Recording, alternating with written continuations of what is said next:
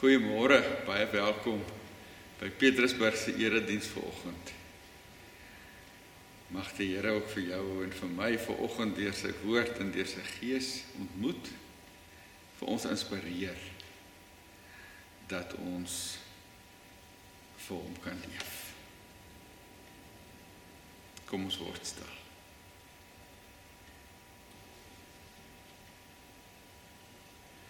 Die Here is in sy heilige tempel. Almal op aarde moet in sy teenwoordigheid stil wees. Amen. Gemeente van die Here, genade vir julle en vrede van God ons Vader en van Christus Jesus ons Here. Deur die werk van die Heilige Gees. Amen. Ons gaan die Here nou loof met die pragtige Psalm 33, sing juigend. Sing 'n nuwe loflied. Ons sing die eerste en die sewende versie daarvan.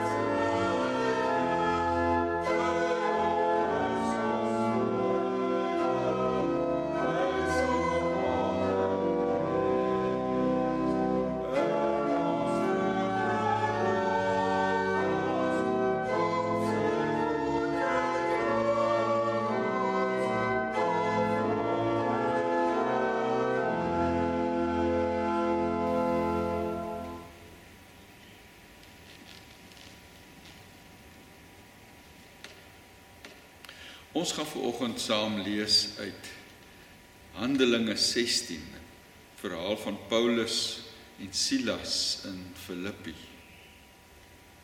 Maar voor ons dit saam lees, kom ons bid eers. Here, ons dankie dat ons in hierdie koue dag nog altyd in u teenwoordigheid geborge is en rus kan vind. Ons dankie Here vir die voorreg om U te kan aanbid. Vir die voorreg om sonder skroom na die troon van genade te gaan. Want U nooi ons Here dat ons voor U kan verskyn.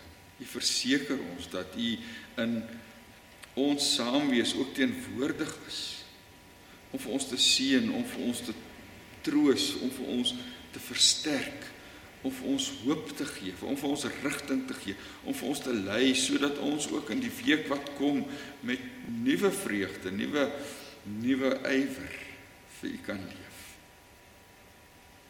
Daarom bid ons Here dat U ook nou vir ons in ons saamwees sal ontmoet. Ons vra dit in Jesus se naam.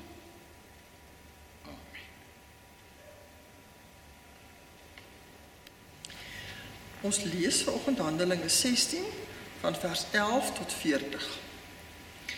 Lydia se bekering. Ons het van Troas af weggevaar en reguit koers gehou na Samotrake en die volgende dag na Neapolis toe. Daarvandaan is ons na Filippi toe, 'n belangrike stad in daardie deel van Macedonië en ook 'n Romeinse kolonie. In hierdie stad het ons 'n paar dae gebly. Op die Saterdag is ons na die rivier toe buitekant die stadspoort omdat ons gedink het daar sou 'n Joodse bidplek wees. Ons het gaan sit en met die vroue gepraat wat daar bymekaar was. Een van die wat geluister het, was 'n vrou met die naam Lydia wat die Joodse geloof aangeneem het. Sy het handel gedrywe met pers, wol materiaal en was van Thyatira afkomstig. Die Here het haar vir Paulus se woorde ontvanklik gemaak. Sy en haar huisgesin is toegedoop. Daarna het sy ons uitgenooi en gesê: "Aangesien julle daarvan oortuig is dat ek in die Here glo, kom gaan by my tuis." En sy het ons ooreed om dit te doen. In die tronk in Filippi. Terwyl ons eendag na die bidplek toe op pad was, het ons 'n slavin teëgekom in wie daar 'n waarsêers gees was. Deur waarsêery het sy vir haar eienaars baie geld verdien. Sy het agter Paulus en ons aangeloop en aanhoudend geskreeu: "Hierdie mense is dienaars van God die Allerhoogste. Hulle vertel vir julle hoe julle gered kan word." Sy het dit baie dae na mekaar gedoen totdat Paulus dit nie langer kon hou nie. Hy het omgedraai en vir die gees gesê: "Ek beveel jou in die naam van Jesus Christus gaan uit haar uit." Die gees het op daardie selfde oomblik uit haar uitgegaan. Toe haar eienaars sien dat sy nie meer geld vir hulle kan inbring nie, het hulle vir Paulus en Silas gegryp en hulle na die owerheid toe op die stadsplein gesleep. Hulle het hulle voor die stadsbestuur gebring en gesê: "Hierdie mense is Jode wat moeilikheid maak in ons stad. Hulle wil vir ons gebruike leer wat ons as Romeine nie kan aanvaar of navolg nie. Die skare het ook teen hulle gekant geraak. Die stadsbestuur het toe hulle klere van hulle lyf laat afskeur en beveel dat hulle lyfstraf moet kry. Nadat hulle baie geslaan is, is hulle in die tronk gegooi en die bewaarder het opdrag gekry om hulle streng te bewaak. Op hierdie bevel het hy hulle in die binneste sel opgesluit en hulle voete in die houtblok vasgeklem. Teen middernag was Paulus en Silas besig om te bid en tot lof van God te sing. Die ander gevangenes het na hulle geluister. Skielik kom daar 'n groot aardbewing wat die fondamente van die tronk geskud het. Al die deure van die tronk het onmiddellik oopgegaan en al die gevangenes se boeye het losgeraak. Die bewaarder het wakker geskrik en toe hy die deure van die tronk sien oop staan, het hy sy swaard uitgetrek om homself om die lewe te bring, want hy het gedink die gevangenes het ontsnap. Maar Paulus het baie hard vir hom geskreeu: Moenie jouself doodmaak nie. Ons is nog almal hier. Toe het die bewaarder 'n lig gevra, die sel ingestorm en bewend voor Paulus en Silas neergeval. Hy het hulle buitekant toe gevat en gevra: "Meneere, wat moet ek doen om gered te word?" Hulle antwoord hom: "Glo in die Here Jesus en jy sal gered word, jy en jou huisgesin." Hulle het toe die woord van die Here aan hom en aan al die mense in sy huis verkondig. Op daardie uur van die nag het hy vir Paulus en Silas geneem en hulle wonde gewas. Hy en al sy mense is daar en dan gedoop. Toe bring hy hulle na sy huis toe en sit vir hulle 'n ete voor. Hy en sy hele huisgesin was vol blydskap omdat hulle nou in God geglo het. Die volgende môre het die stadsbestuur polisie gestuur met die boodskap: "Laat daardie mense los." Die bewaarder het toe die boodskap aan Paulus oorgedra en gesê: "Die stadsbestuur het laat weet dat jy losgelaat moet word." Julle kan nou gaan en voorspoed op julle reis. Maar Paulus sê vir die polisie: Ons is sonder verhoor in die openbaar geslaan en in die tronk gestop. Ons wat Romeinse burgers is. En nou wil hulle ons stilletjies hier wegkry. O nee, laat hulle self kom en ons uitlei. Die polisie het dit toe vir die stadsbestuur gaan vertel. Die het groot geskrik toe hulle hoor dit is Romeinse burgers. Hulle het gegaan en om verskoning gevra. Hulle uit die tronk uitgelei en hulle versoek om die stad te verlaat. Nadat hulle uit die tronk gekom het, is hulle na Lydia se huis toe waar hulle die gelowiges gesien en bemoedig het. Daarna het Paulus hulle vertrek. Dit is die woord van die Here vir ons vanoggend. Ek lees weer Handelinge 16 vers 25 teen middernag was Paulus en Silas besig om te bid en tot lof van God te sing. Die ander gevangenes het na hulle geluister.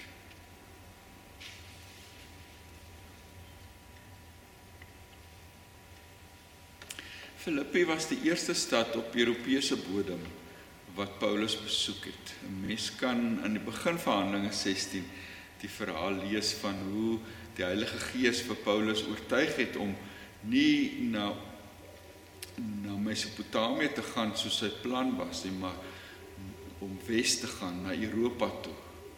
Jy sal onthou dat hy daar in die nag in 'n gesig die Macedoniër gesien het wat gesê het kom oor na Macedonië en help ons. En toe het hulle op die skip geklim en oorgevaar na Griekeland, eintlik Macedonië, die noordelike provinsie van Griekeland soos ons dit vandag ken.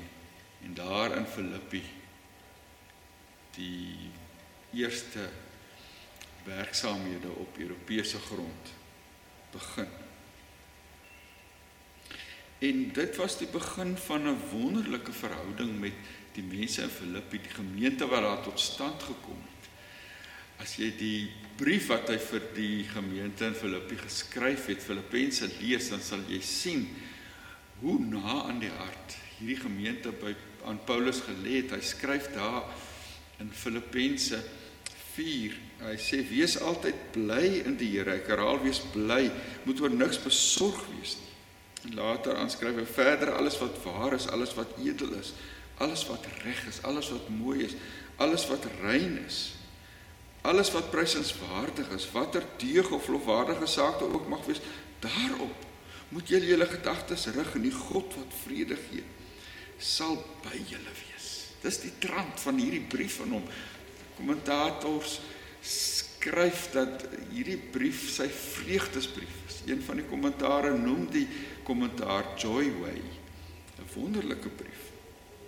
En dis natuurlik die boodskap van die Bybel. Reg deur die Bybel word ons opgeroep om bly te wees. Dit was vir my altyd merkwaardig as ek in in Levitikus lees oor die instelling van die Joodse feeste dat die Here sê ons moet daar in die teenwoordigheid of die Jode dan moet in die teenwoordigheid van die Here bly wees. Dis wat die Here wil hê. Hy wil hê ons moet bly wees. Psalm 100 kom voor die Here met gejubel. Loof hom, prys sy naam. Dit dit is die boodskap. In Spreuke 15 vers 15 staan daar. Dit gaan altyd sleg met 'n bedrukte mens. Die blymoedige mense hele lewe is 'n fees. Jesus het ook in in Matteus 6 vir ons verseker ons moenie bekommerd wees nie sê hy want ons hemelse Vader sorg vir ons. Daarom kan ons bly wees, kan ons gerus wees, kan ons ontspan.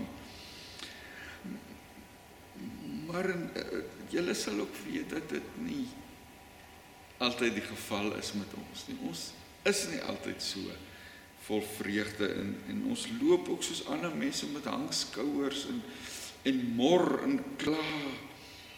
En ons lyk maar nes ander. Ons lyk nie soos mense met wat wat leef met die wete dat die Here daar is, dat hy vir ons sorg en dat ons deel kan wees van sy wonderlike wêreld. Ek dink dis die krisis van ons moderne Christene dat ons vergeet het dat elke faset van ons lewe Elke woord wat ons praat, elke ding wat ons doen, die lof van God moet verkondig. Dat ons die binnekamer en ons lewe uitmekaar gehaal het. En ons godsdienst vir ons binnekamer bære in plaas van om vir die Here te leef elke dag. Dan Galasiërs 5 vers 25 skryf Paulus ons lewe deur die Gees laat die Gees ook nou ons gedrag bepaal. Dis ons roeping. Ongelukkig hoor ek te veel kere die laaste tyd al hoe meer mense wat sê ja, ek weet dis wat die Bybel sê, maar in die praktyk werk dit nie so nie. Ek weet die Bybel sê ons moet sag wees en inskikkelik, maar die lewe is hard. Daarom maak ek my kinders hart groot, het iemand op 'n kol vir my gesê. Ek weet die Bybel sê ons moet rein leef en wag tot ons getroud is, maar ek is ook maar net 'n mens. Ek weet die Bybel sê ons moet 'n tiende van ons inkomste vir die Here gee, maar maar as ek so my dankoffer moet bereken, dan gaan ek dit nie maak nie. Ek weet die Bybel sê ons moet vergewe. Maar ken jy my baas? Ek weet die Bybel sê ons moet bly wees, maar die politiek van die dag, die ekonomie, die corona pandemie maak dit moeilik om bly te wees. Dit steel my vreugde. So ons weet dit alles, maar ek dink ons sukkel om te leef wat die Bybel van ons vra. Om te leef soos mense wat bewus daarvan is dat ons 'n hemelse Vader het wat sorg. Paulus en Silas het dit verstaan dat 'n mens nie maar net uh, in die bidplek waar jy met mense oor die evangelie praat, oor Jesus praat, kan bly wees, maar oral. Daarom sien ons hulle daar in die tronk flenters geslaan. Ons het nou gelees nadat hulle baie geslaan is, is hulle in die tronk opgesluit met hulle hande en voete geboei en en in die blok gesit. Nou daai tyd was dit die houtblok was 'n groot harde instrument met gate in wat deur jou voete en jou hande gesteek is uitgesper om dit heeltemal onmoontlik te maak vir jou om om te beweeg. Jy kan mens jou voorstel, hulle is stikkend geslaan. Ons lees later hoe dat die tronkbewaarder hulle wonde versorg en verbind het. En nou sit hulle in hierdie verskriklike ongemaklike posisie. En die maklikste of die natuurlike ding in so 'n omstandigheid is om om te sug en te steun en en hulle self jammer te kry. Maar ons teksvers sê teen middernag was Paulus en Silas besig om te bid en tot lof van God te sing. En die ander gevangenes het na hulle geluister. Hulle het verstaan dat jou geloof elke dag, elke sekonde van elke dag deel is van wie jy is en jou dag kleur. Dat jy nie maar net 'n boodskap ontvang en met mense daaroor praat. Ehm um, wanneer jy met die evangelie besig is, maar dat jy ook die evangelie leef wanneer wanneer omstandighede vir jou nie maklik is. Hulle het verstaan dat dat hulle nie maar net 'n boodskap het om te deel met mense nie, maar dat hulle self die boodskap moet leef. Trouwens dat hulle die boodskap is. Alles wat jy doen, alles wat jy sê of nie sê nie, alles wat jy nie doen nie, alles is deel van die boodskap wat jy aan mense moet kommunikeer. Miskien moet ek dit weer sê. Ons het nie net 'n boodskap wat ons moet deel met mense nie. Ons is die boodskap wat ons verander moet bring. Hoe jy leef, hoe jy werk, hoe jy ontspan, hoe jy grappies maak. Alles is deel van wie jy is. Want jy is die boodskap. Die boodskap dat God vir jou vir ander mense, vir die wêreld liefhet. Dit word soveel belangriker as ons in ag neem hoe klein deel van kommunikasie ons woorde uitmaak. Ek lees dat 93% van ons kommunikasie nie verbaal is nie.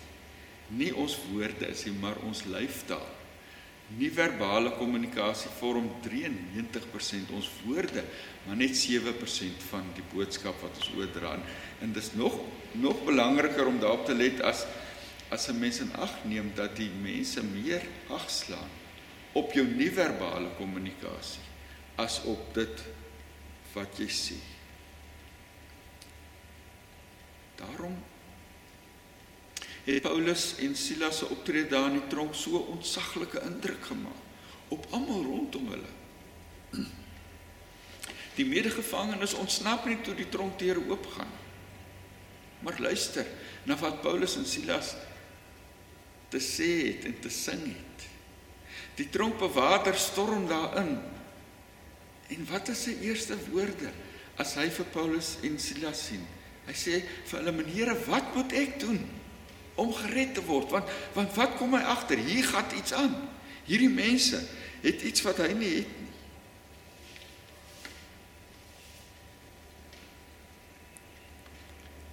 En dit gebeur nie sommer net van self nie. Dit is nie maar sommer van self dat ons nie verbale kommunikasie so 'n ontsaglike boodskap kan oordra nie. Dit gebeur wanneer mens daagliks aan die voete van ons hemelse Vader gaan sit en sê Here, hierdie dag is U se. Dit gebeur wanneer ek daagliks voor die Here kniel en sê Here Jesus, wees U vandag ook my leidsman. Dit gebeur wanneer ek daagliks myself tot beskikking van die Gees stel en sê o Gees van God, begeester my in hierdie dag dat die beeld van die Here Jesus al meer en meer in my lewe na vore kom.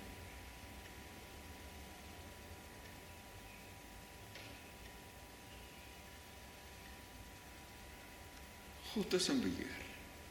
Daarom kon Paulus en Silas in die tronk lofliedere sing al was hulle fisies verniel stikkend flenters. Want hulle het verstaan dat hierdie tronk op God se ongelooflike wonderlike manier ook deel kan word van sy plan vir Filippi.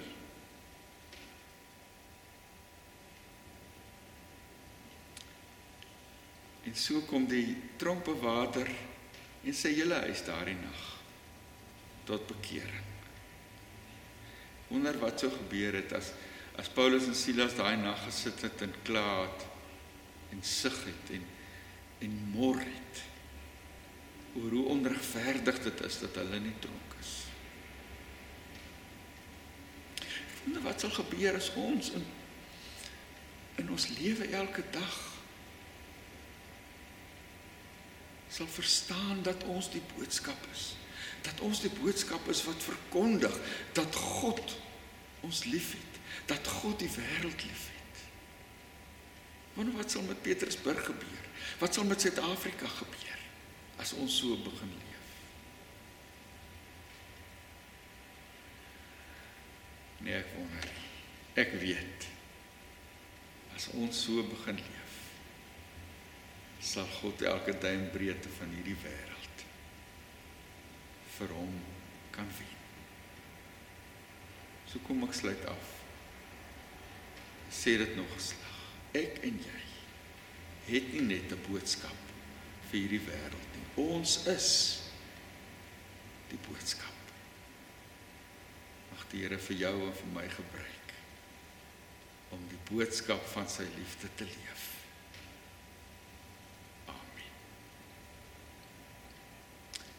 Kom ons bid saam.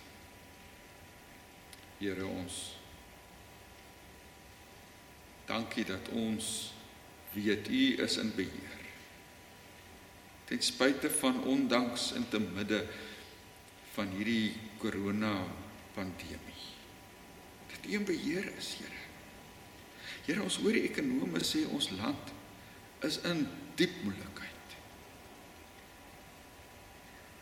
En die ergste kom nog. Here, ons skrik as ons dit hoor. Help ons om tot rus te kom in die wete dat U ook in hierdie tye in beheer is, ook van ons elkeen. Dat U weet wat hier aangaan. Dat U weet wat in ons huise aangaan, wat in ons harte aangaan. Here, dat U weet. Ons bid in hierdie dae besonder vir ons skole waar die kinders weer stuk stuk begin terugkom, onderwysers, al die personeel, al die kinders. Here bewaar hulle. Help vir hulle om om ook in die skole hierdie hele sosiale afstand te bestuur en te te doen, Here dat ons kinders en ons onderwysers veilig sal bly. Maar weer kom bid vir ons regering, Here, vir die wat hierdie situasie moet moet lei en regulasies uitvaardig en ag Here. Ons bring ons land vir U. Ons bring onsself na U toe en Here bid dat U ons sal bewaar in hierdie tyd van groot onsekerheid en selfs angs of ons vas. Help ons om te leef soos mense wat verstaan ons behoort aan U en dat niks niks maar niks ons uit u hande kan ruk nie. Niks ons van u liefde kan skei nie. Bring ons tot rus, Here. In die wete dat u in beheer is. Amen.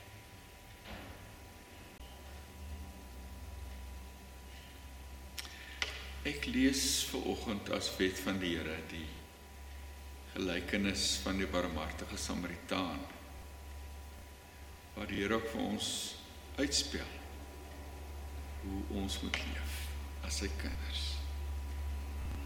Die gesprek begin waar 'n wetgeleerde vir Jesus probeer um, in in 'n stryk lê en hy vra meneer wat moet ek doen om die ewige lewe te verkry? En Jesus sê vir hom wat staan in die wet van Moses geskryf? Wat lees jy daar? En hy antwoord jy moet die Here jou God lief hê met jou hele hart en met jou hele siel en met al jou krag en met jou hele verstand en jou naaste soos jouself.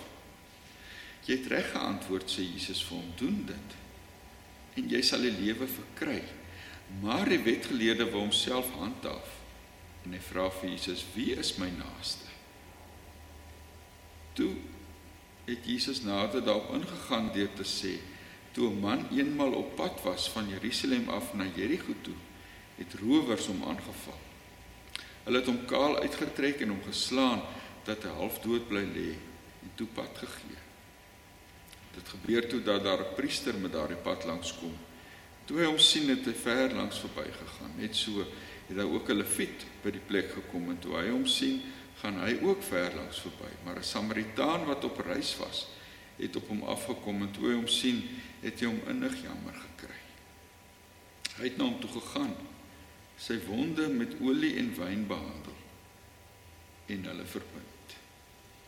Toe het hy hom op sy rydier gehelp en hom na 'n herberg toe geneem en hom daar verder versorg. Die volgende dag haal hy twee muntstukke uit en gee dit aan die eienaar van die herberg en sê: "Sorg vir hom en as jy meer onkoste met hom het, sal ek jou betaal wanneer ek hier langs terugkom." Wie van hierdie drie is volgens jou die naaste aan van hom wat onder die rowers verval het? Die wetgeleerde antwoord: Die man wat aan hom medelee bewys het. En Jesus sê vir hom: "Gaan en maak jy ook so."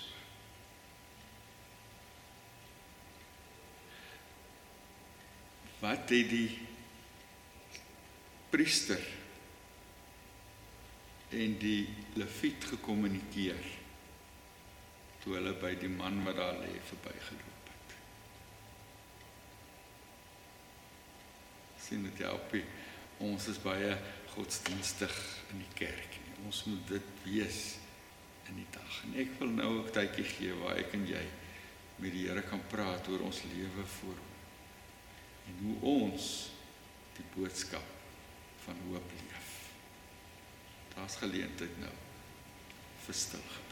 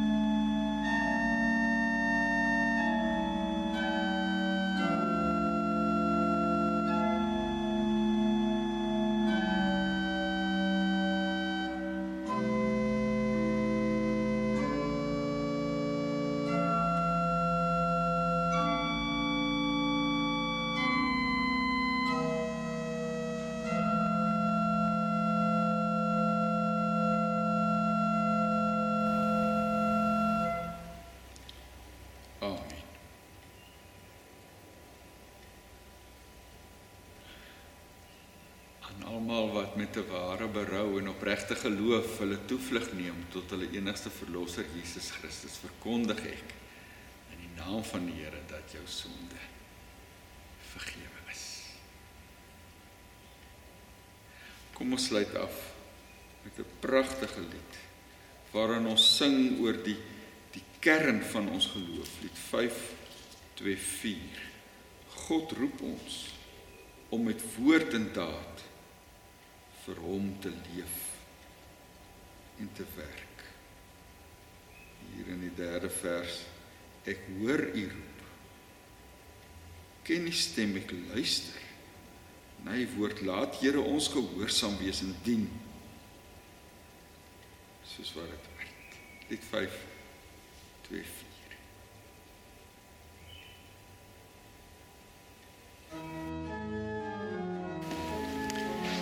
God roep ons om met woord en daad vir hom te leef en te werk. Hy roep ons deur sy woord en gees en maak van ons sy kerk. Hy kies, bewaar en onderhou. Hy inspireer en bou. Geloof wat deur die liefde werk, hou aan, bly groei, maak sterk. God roep en salf ons met sy gees tot koning en tot priester met 'n hart en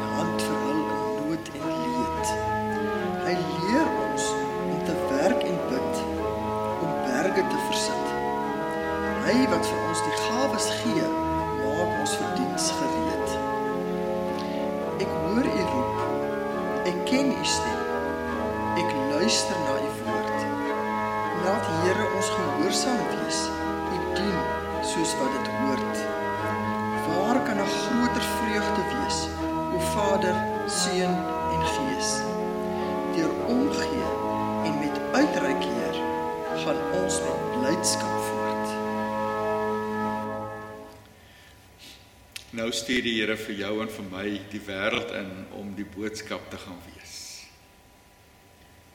Mag die boodskap wat ek en jy leef die wêreld help om God te sien en met hoop te leef.